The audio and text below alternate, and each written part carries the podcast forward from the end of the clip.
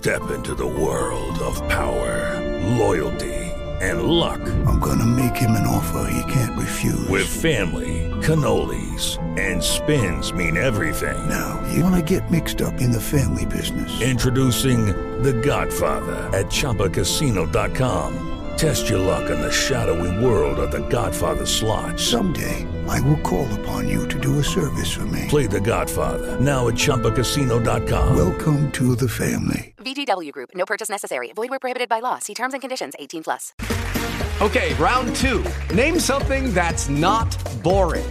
A laundry? Ooh, a book club. Computer solitaire, huh? Ah, oh, sorry. We were looking for Chumba Casino.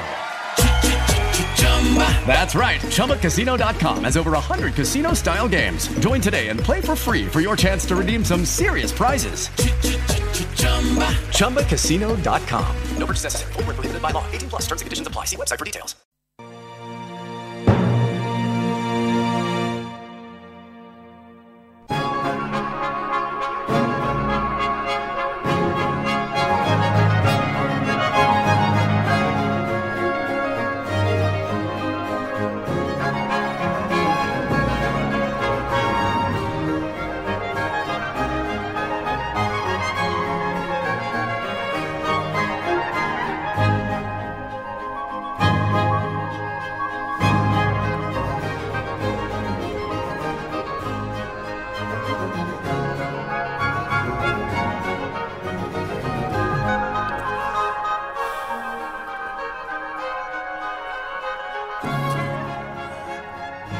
Amics oients, de nou el programa Escrit està, estem aquí, l'Alejandro als controls, qui us parla és Sergi Bernils, a Ona Pau Catalunya, el 96.6 a Barcelona, el 94.8 a Girona i el 94.9 a Tarragona. I si sou moderns i ens voleu seguir a través d'internet, heu de saber que onapau.cat és el contacte per eh, escoltar-nos eh, d'una forma nítida, el més nítida possible. Comencem, doncs, amb Escrit està. Magnífica,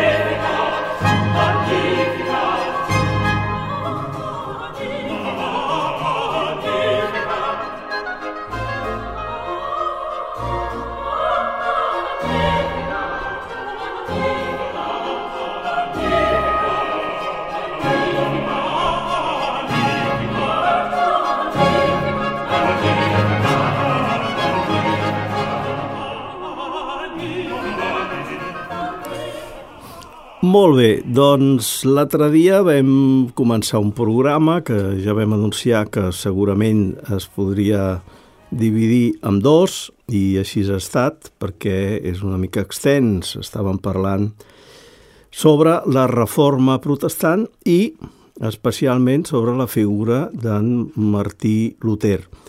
Ja dèiem que Martí Luther, aquest alemany, nascut a Heisleben, a l'Alta Saxònia, el 1483, i que eh, ja de ben jovenet va demostrar que tenia unes capacitats, eh, especialment el seu mentor, el seu mestre, en John Staupitz, es va donar compte de que tenia davant seu eh, una persona, eh, d'aquestes persones que, Eh, jo recordo quan, quan fèiem exàmens, no? em deia, mira, hi ha algun alumne que llegeix una vegada el text i ja se'l sap de memòria. Doncs en Martí Luther era una, un, un fenomen semblant a això. No?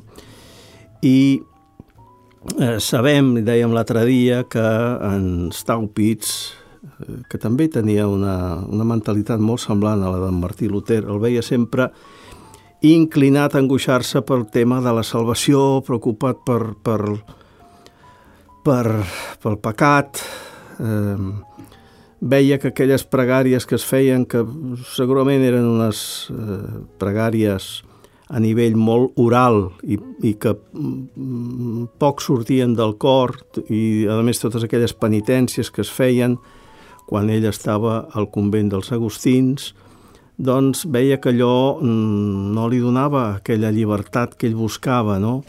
i que seguia angoixat i angoixat i angoixat. En Staupitz li va recomanar que posés tota la seva confiança en Jesucrist. Aquí ja va plantar una primera llavor, el seu mestre, perquè el reformador doncs, eh, fos una persona cristcèntrica. No? Després dèiem també que va viatjar a Roma amb motiu d'un plet intern amb els agustins eh, la, i després va tornar a Erfurt. Immediatament ha, mm, com que en Stúpids, eh, Staupitz, perdó, ho havia pronunciat malament, eh, com que valorava tant les qualitats d'en Luther, el va cridar perquè fos professor a Wittenberg i ell va, es va dedicar a la, a la docència durant molts anys i efectivament allà va ser on va, va tenir aquella crisi tan forta eh, i que el va portar a l'acció aquesta reformadora. No? Eh, molt bé, doncs estem parlant d'una persona, Martí Luther, eh, que podríem dir que el seu pensament i la seva vida eren inseparables, de la mateixa manera que la seva teologia eh, i la seva, el seu deler de reformador també eren inseparables. No? Eh, aquests anys de, de professor a, a Wittenberg, eh, de seguida va, es va donar compte de que els seus cursos de teologia bíblica doncs, eh, anaven endavant i aconseguien un èxit considerable, perquè tenia una manera d'explicar les coses, quan tots ens hem trobat, no? a vegades quan estudiàvem, que hi havia professors que explicaven les coses d'una manera que feien que, que aquella lliçó, eh, aquells estudis fossin molt més agradables i, i ens, ens cridés, no? ens convidés a, a aprendre i aprendre i, a, i a, a saber més i més. Això li passava en Luther. Eh? Eh, direm, i això és molt important, direm que va tenir un ajut des del primer moment molt important a través de la paraula de Déu i especialment el llibre dels Salms. No?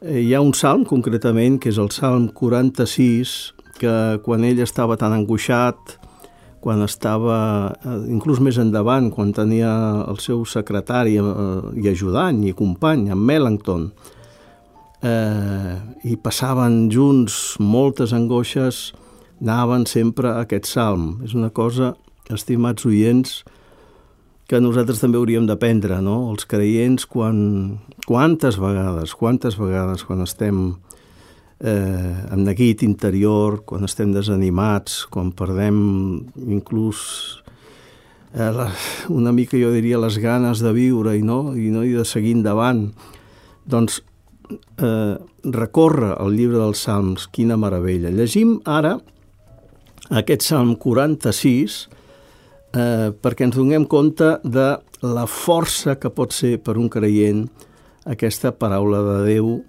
escrita en el Salteri i que tantes i tantes vegades repeteixo a nosaltres, els creients del segle XXI, ens fa absolutament el mateix efecte que li feia en Luther i en Melanchthon. Llegim aquest Salm 46.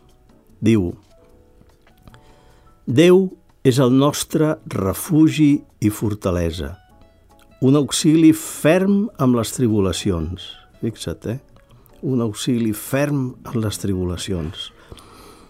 Per això no tenim por quan la terra trontolla i es, trasbalsen les muntanyes en la mar, que bremolin i s'encrespin les ones i a la seva embranzida tremolin les muntanyes.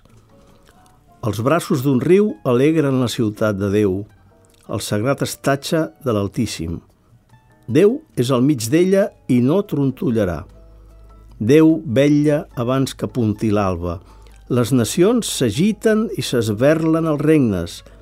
Ell fa esclatar el seu tro i es desfà la terra. El Senyor de l'univers és amb nosaltres. El nostre refugi és el Déu de Jacob. Veniu i mireu les gestes del Senyor, que n'ha fet de prodigis en la terra. detura les guerres fins a l'extrem del país, trenca l'arc i parteix la llança, i llença al foc els escuts. Desistiu i sapigueu que jo sóc Déu, domino sobre les nacions, domino sobre la terra. El Senyor de l'univers és amb nosaltres i ell és el nostre refugi, ell és el Déu de Jacob.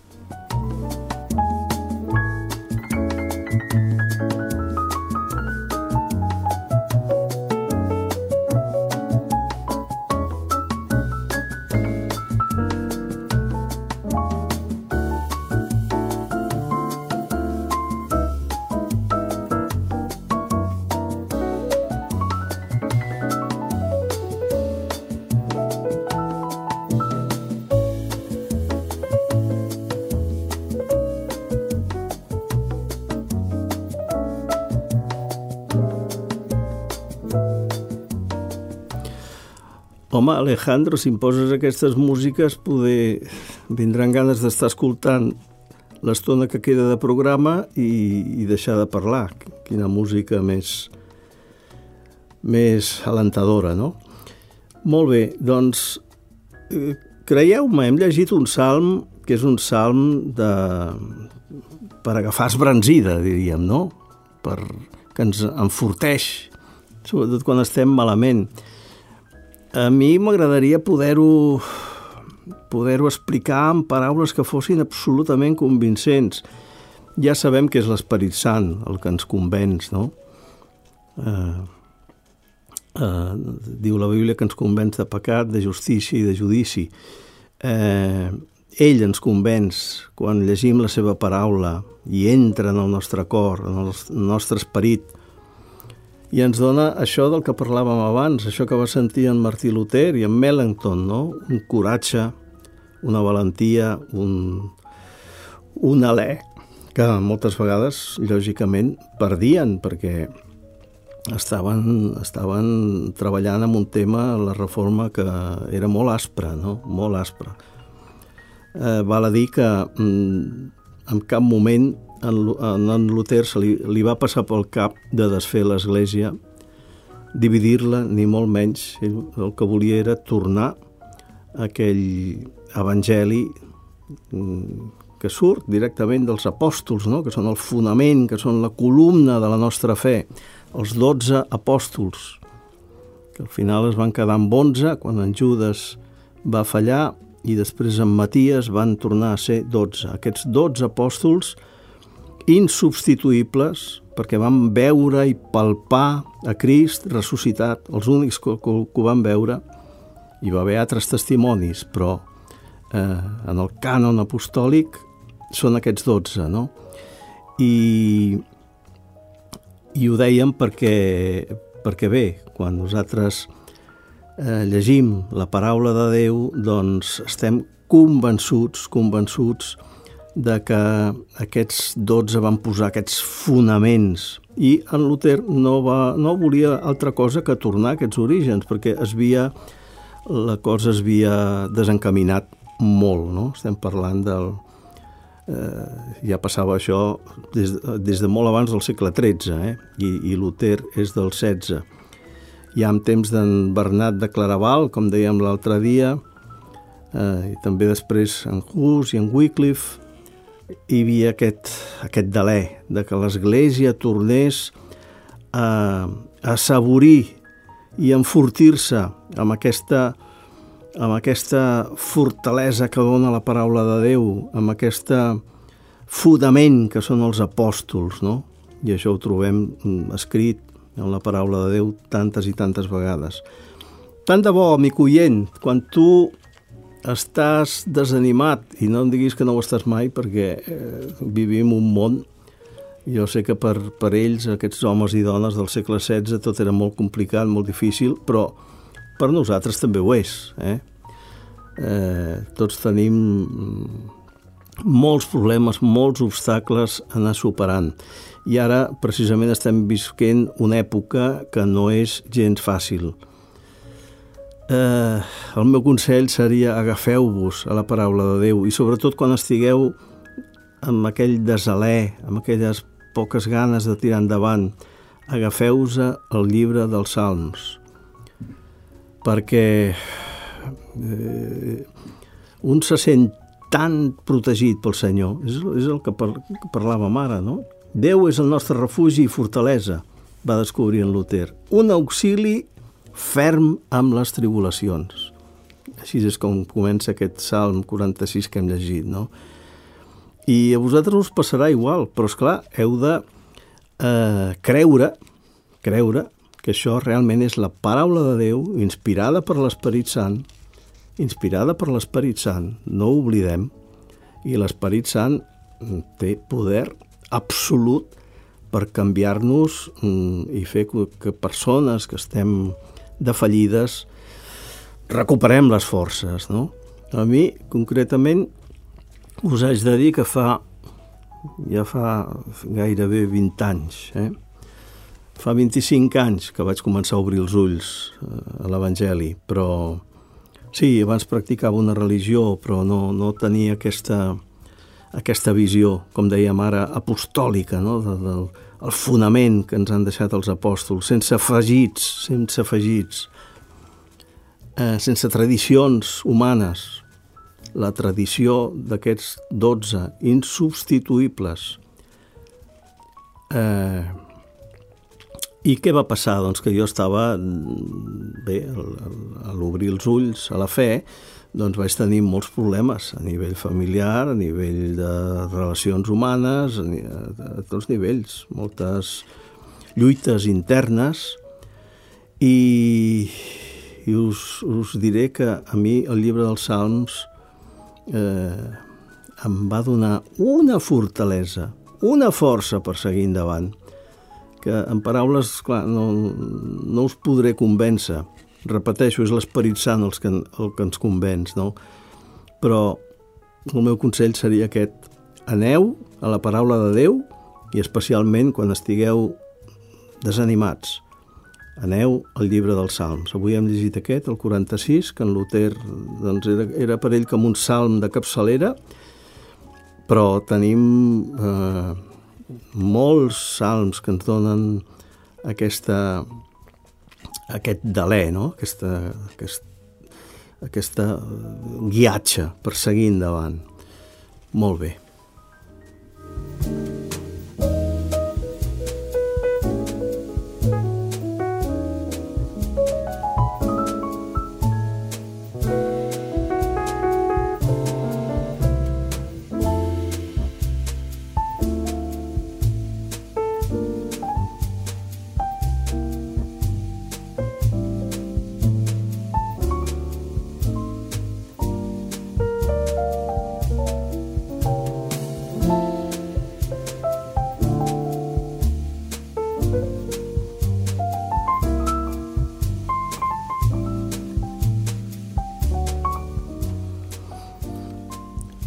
Possiblement em noteu la veu una mica agafada i, he agafat una mica de calipàndria perquè hem estat al nord d'Itàlia, a Bèrgam, eh, en una exposició d'art de la, dels meus últims treballs i allà feia molt fred, la veritat, no anàvem preparats per tan fred.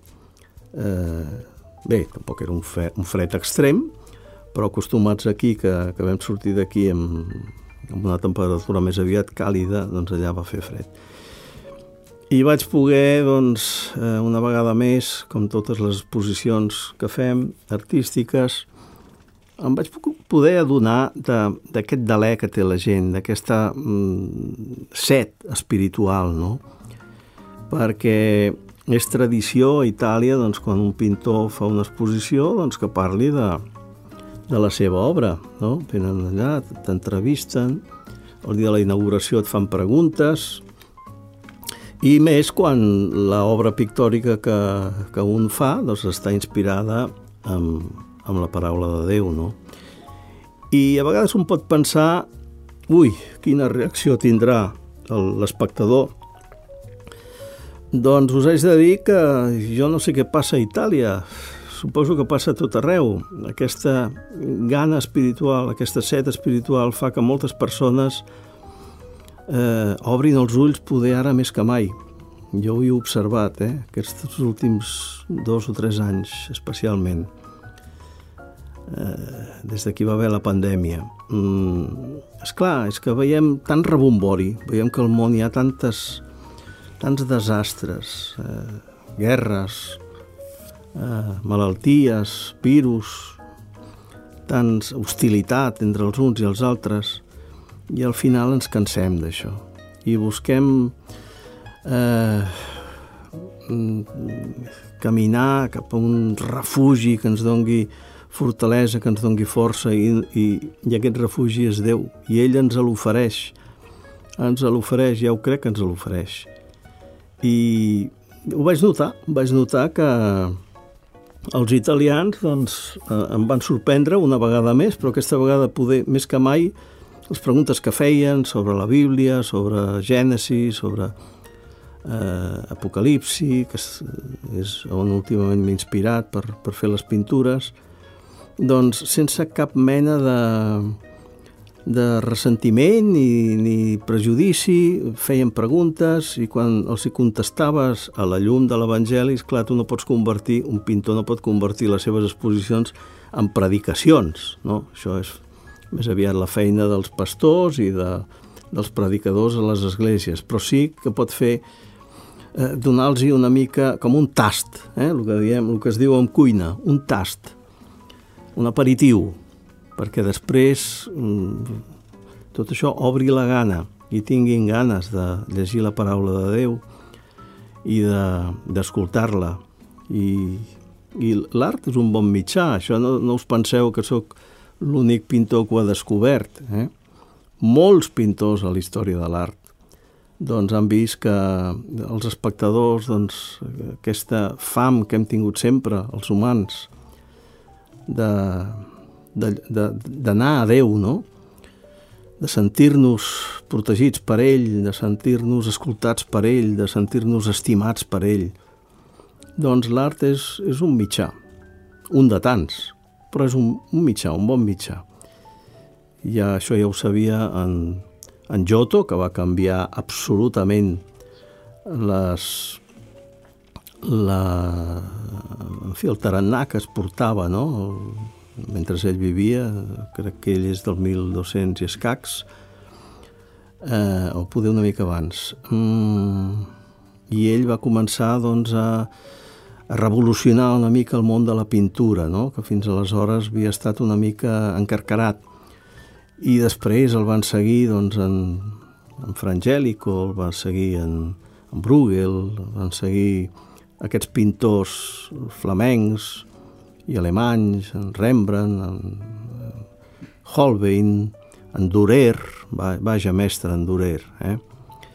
Eh, tots ells parlaven de, encara que una mica tot estava tenyit de la religió del moment del catolicisme romà, eh, menys aquests pintors que podríem dir que són els pintors de la Reforma, com en Rembrandt, Holbein, Durer, Grünewald, eh, tots aquests ja es van mm, mm, centrar absolutament amb la paraula de Déu, no? sense massa litúrgia pel mig.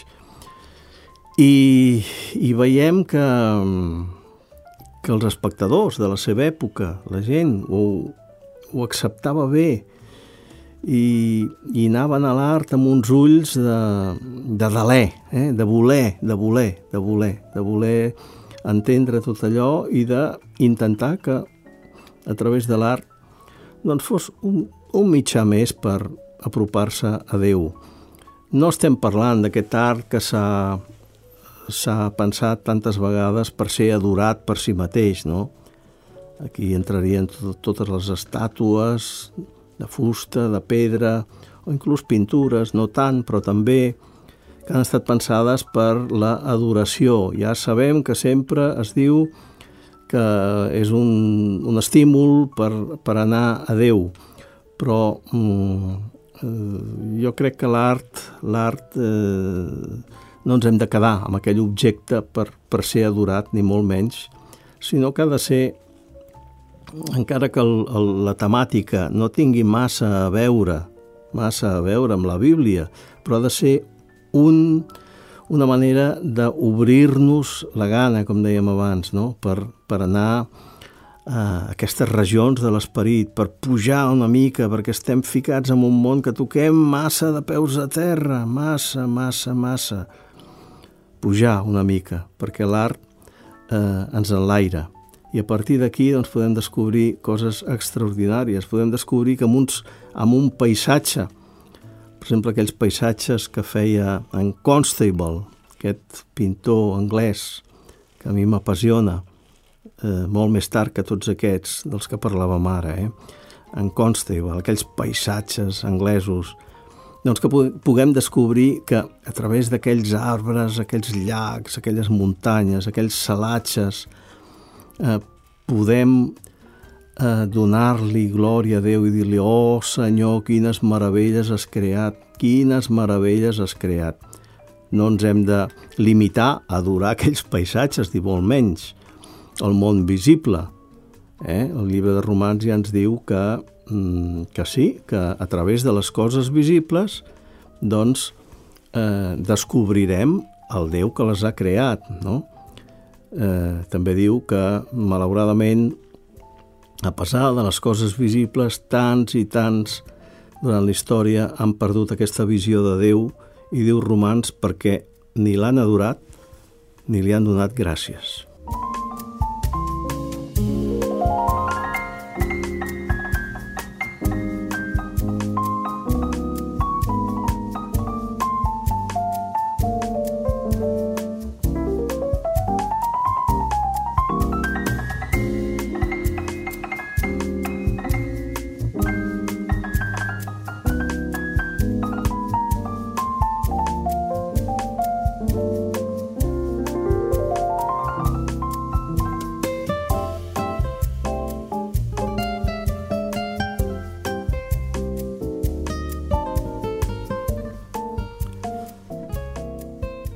Ara farem un petit eh, inter, interludi musical i en Alejandro ens ha ofert aquesta peça d'en Cristin de Clario que escoltarem per eh, després continuar el programa. La peça musical es titula Hasta poder ver.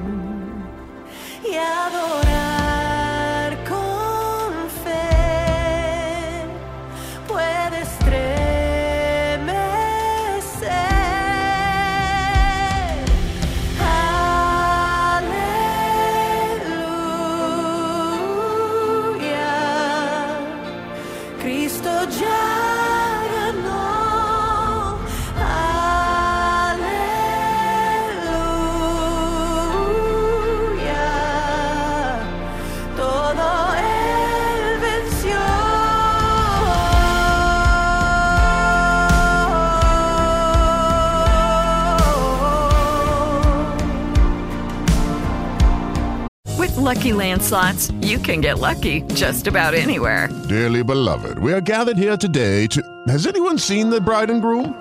Sorry, sorry, we're here. We were getting lucky in the limo and we lost track of time. No, Lucky Land Casino, with cash prizes that add up quicker than a guest registry. In that case, I pronounce you lucky. Play for free at LuckyLandSlots.com. Daily bonuses are waiting. No purchase necessary. Void where prohibited by law. 18 plus. Terms and conditions apply. See website for details. Hello, it is Ryan, and I was on a flight the other day playing one of my favorite social spin slot games on chumbacasino.com. I looked over the person sitting next to me, and you know what they were doing? They were also playing Chumba Casino. Coincidence? I think not. Everybody's loving having fun with it. Chumba Casino is home to hundreds of casino style games that you can play for free anytime, anywhere, even at 30,000 feet. So sign up now at chumbacasino.com to claim your free welcome bonus. That's chumbacasino.com and live the Chumba life. No purchase necessary. VGW. Void prohibited by law. See terms and conditions. 18 plus. Antes de que amanezca, si no hay donde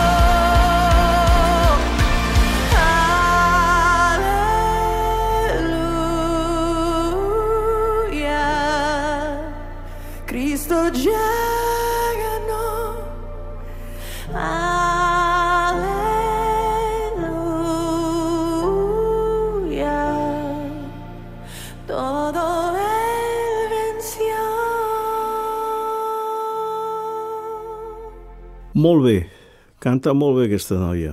Eh, ja veiem que hi ha diferents maneres de, durant la història del cristianisme. Eh? Hi ha hagut diferents maneres, inclús eh, quan es van escriure els salms, eh? l'adoració a Déu a través del salteri, instruments de música, i ara en ple segle XXI, doncs veiem que eh, les formes han canviat, però l'essència ha de- d'estar de, la mateixa, que és aquest deler d'adorar el nostre Déu. I hi haurà persones que els agradarà més els himnes clàssics, eh? que es cantaven a les esglésies protestants fa 200 anys, 300, i especialment als joves els agradarà més aquest tipus de música que hem, que hem estat escoltant ara, però tant se val, tant se val, perquè al Senyor li agrada mm, més que les formes el fons, el fons. I encara que hagin canviat els instruments musicals, hagin canviat la manera de, d'expressar-se, ell mira el cor dels éssers humans. I quan veu que l'adoració surt de cors sincers que l'adoren amb esperit, amb veritat, ell eh, s'entusiasma, eh? s'entusiasma.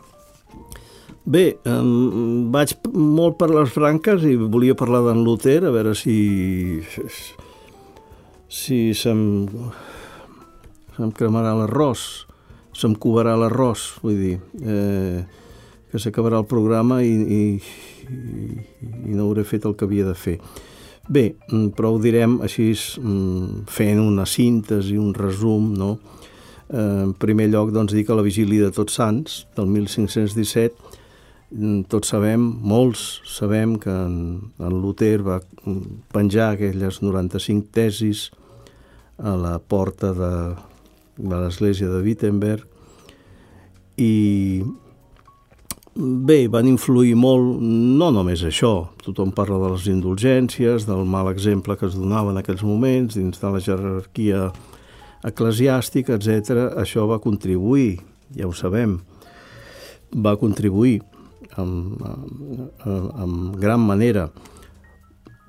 Mm, però, mm, sobretot, era el veure, Luther veia que que la doctrina dels apòstols, com dèiem abans, eh, anava perdent, perdent aquella força, aquella vitamina eh, que ens havia, que l'Esperit Sant havia posat al cor dels apòstols perquè mm, així mateix passés al cor de tots els creients de tots els segles. Eh, per tant, hi havia unes adherències, hi havia unes retallades, hi havia unes afegides, uns afegits que feien que l'Evangeli no tingués aquella puresa amb la qual va néixer, no? I en Luther era molt conscient de tot això, de la mateixa manera que havien estat eh, molts anys enrere d'altres. L'altre dia parlàvem de, de la devotio moderna, no? quan va aparèixer aquell, el llibre d'en Kempis, en Thomas Kempis, que la gent volia, mm, els creients volien retornar aquest, aquesta manera de creure més subjectiva, més interior, no? més interior. Eh, I per això va néixer aquella devotio moderna que va canviar la manera de, de veure les coses. I en Luther doncs, es, va viure tot això. Llegim una de les tesis, aquestes que va clavar ell a la, a la porta d'aquella església, la 68 mm, i la 36. Diu, les indulgències, eh, ja sabem que són aquelles eh, a canvi de diners, sobretot va ser a partir d'en Lleó X, que va proclamar indulgència perquè es necessitaven recaptar diners especialment per, la, per acabar aquella basílica de Sant Pere, que si la coneixeu, si heu anat a Roma, doncs veureu que esclar, allò es necessitaven molts diners per construir allò i altres coses, no? I les indulgències, eh, doncs d'alguna manera era això, pagar a canvi de la salvació, d'oblidar el pecat eh, per part dels que pagaven, no oblidar-lo, però d'alguna manera de, de, a canvi d'aquells diners, doncs, eh, assolir el perdó, no? En Luther va veure que això no era absolutament evangèlic, eh? Eh, i deia, en la seva tesi 68, per exemple, diu les indulgències no són res comparades amb la gràcia de Déu i la misericòrdia de la creu. I després afegeix a la tesi anteriorment, vaja, la 36, diu amb la contricció cada cristià obté la plena remissió del pecat, amb la contricció del pecat i de la culpa. I no hi ha cap necessitat de la indulgència.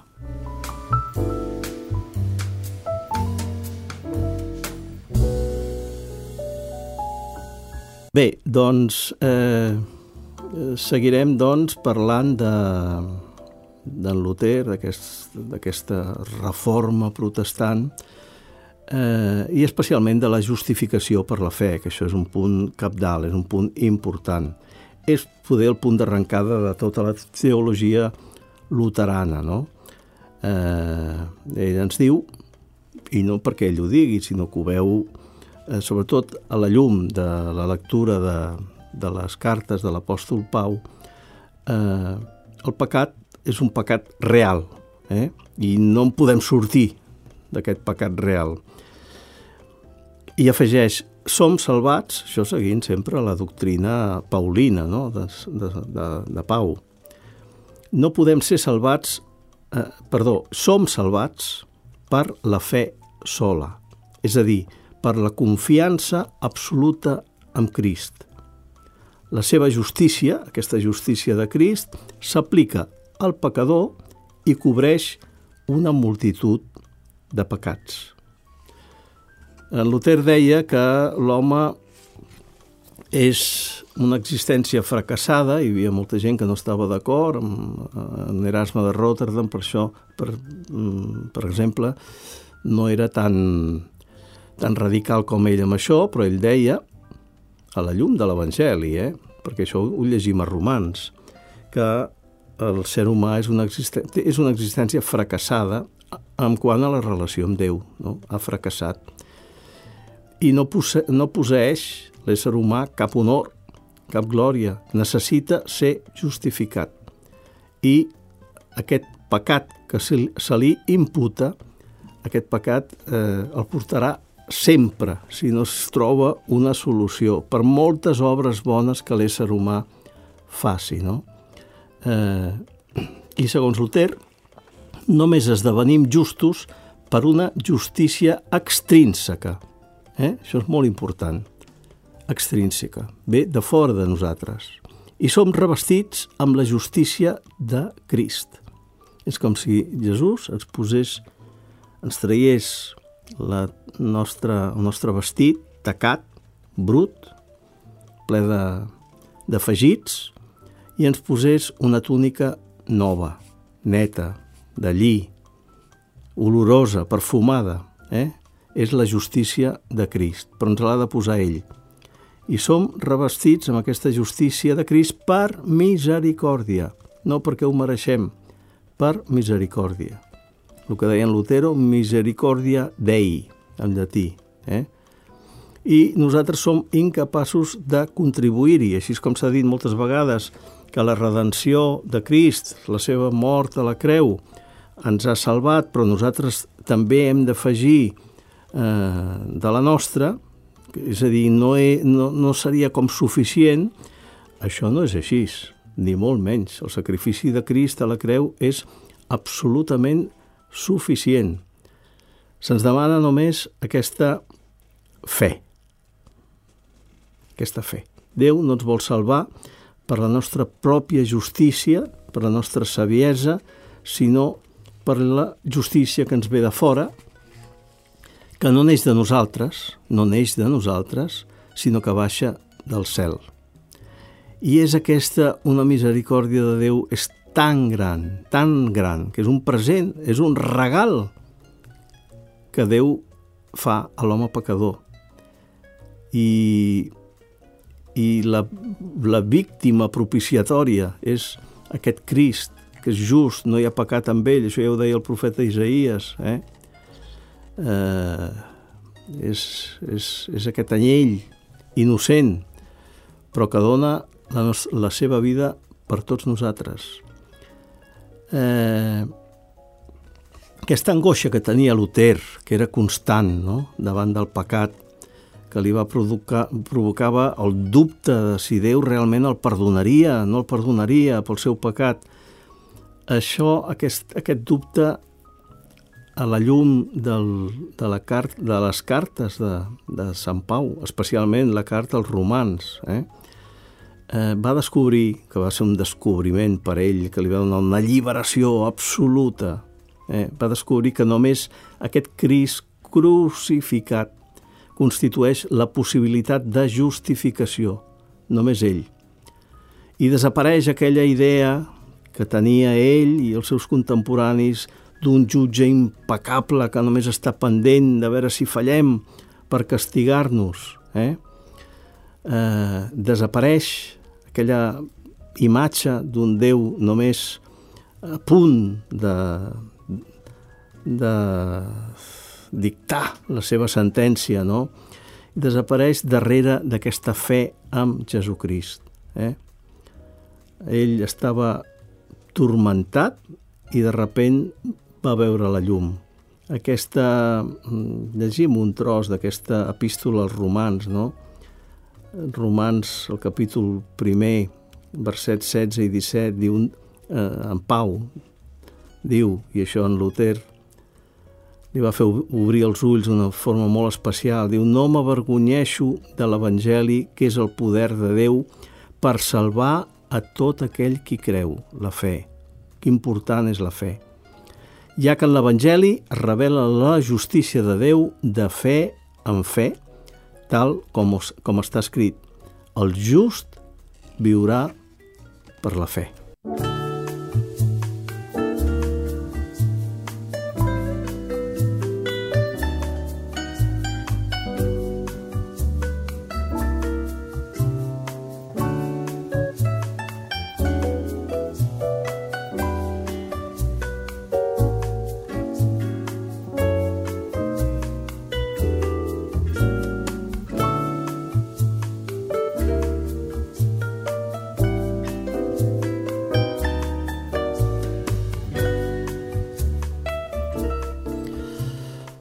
Bé, podríem dir on, on està aquesta força d'aquesta descoberta, no? Doncs està, en el cas d'aquest reformador, de Luther, que volia tornar als orígens, als orígens a través de la paraula de Déu, sense afegits. Recordem que el lema de la reforma és sola fe, sola gràcia, sola escriptura i Jesús és el camí per arribar a Déu, no?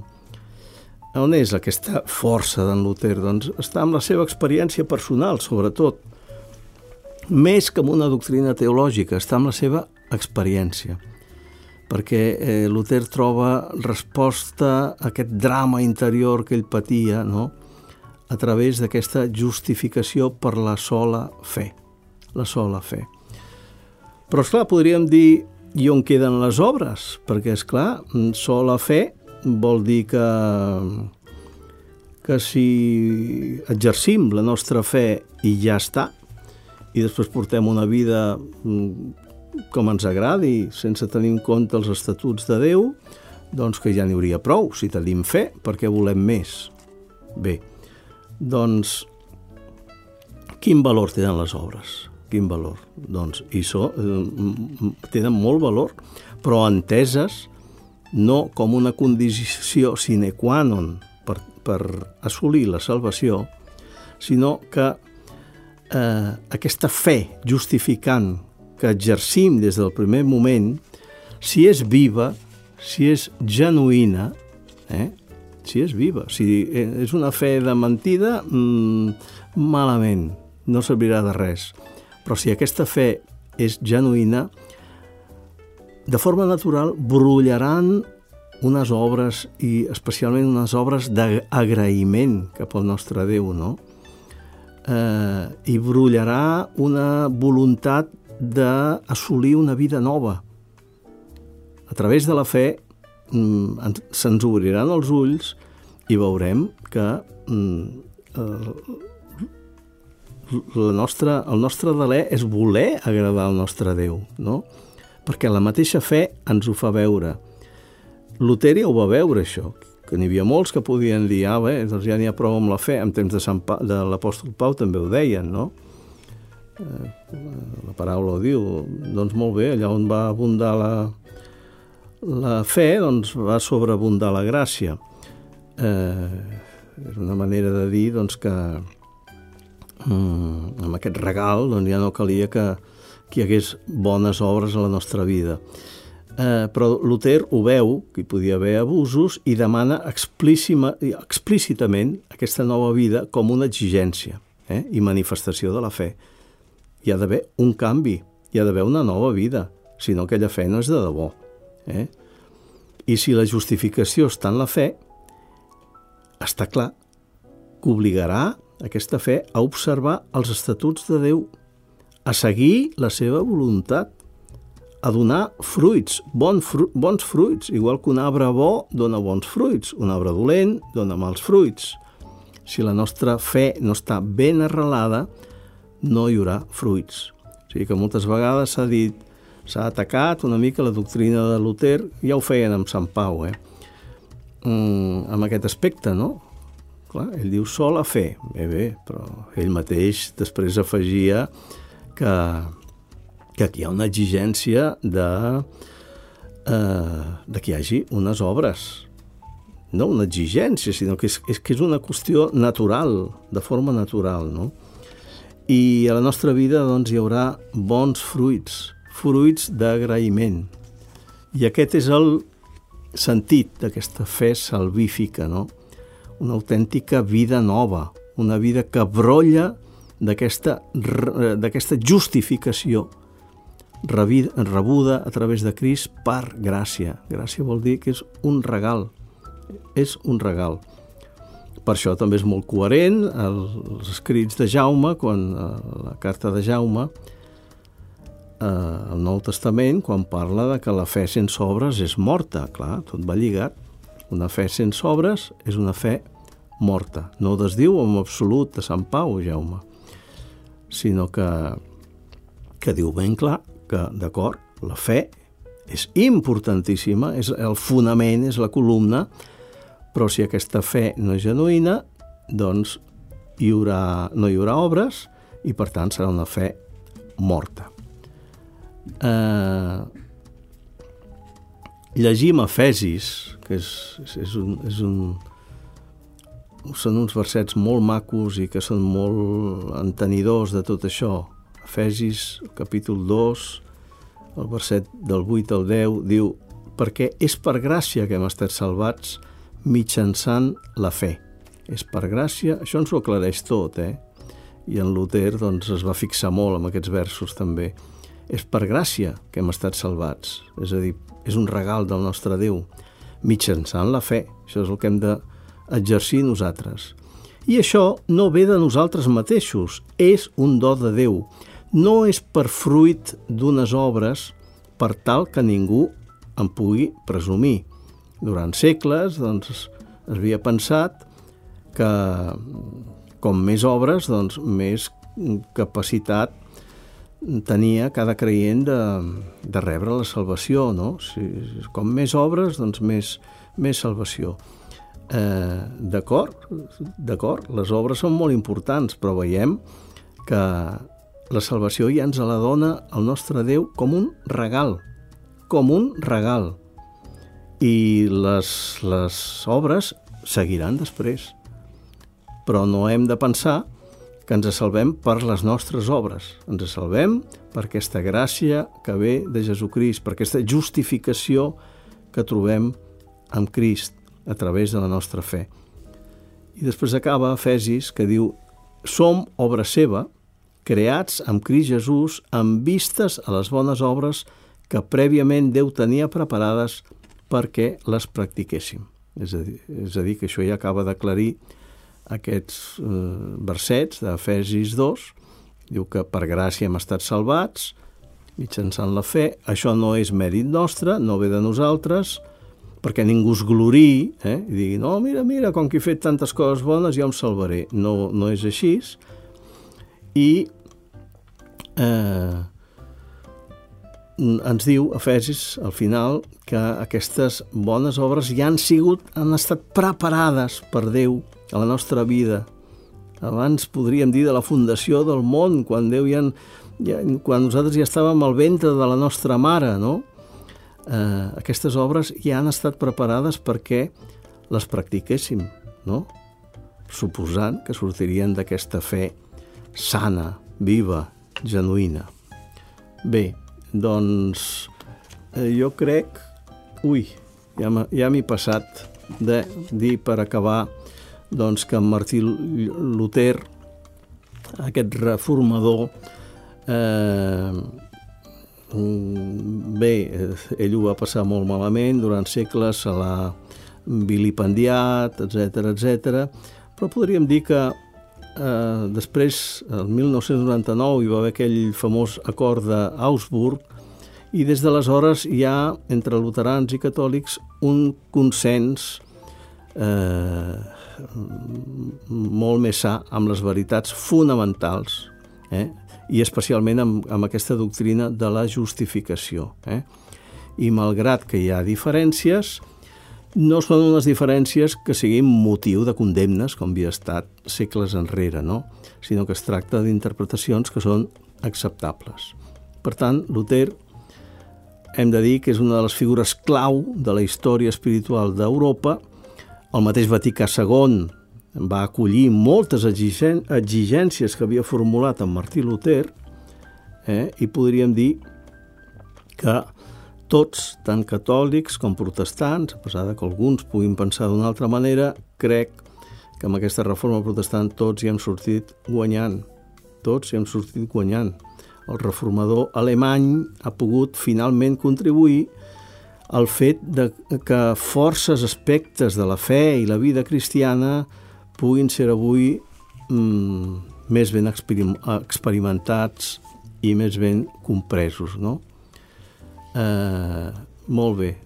Fonamentalment, ell ens ha ensenyat que eh, Déu ha de restar sempre el Senyor de la nostra vida. Això és bàsic. Ell ha de ser el Senyor de la nostra vida, el Salvador, i que la nostra resposta més essencial ha de ser una confiança absoluta i una adoració sense límits al nostre Déu. Això és el que hem d'aprendre, bàsicament, no? Això és el que hem d'aprendre. Mm, tant catòlics com protestants, tots ho tenim clar, però tant de bo mm, ens apropéssim més, ens apropéssim més, i hi haurà sempre diferències, però aquest apropament mm, essencialment ha d'estar guiat per seguir la doctrina purament evangèlica. Com dèiem al principi, aquests fonaments que van posar els apòstols. No podem sortir d'aquí.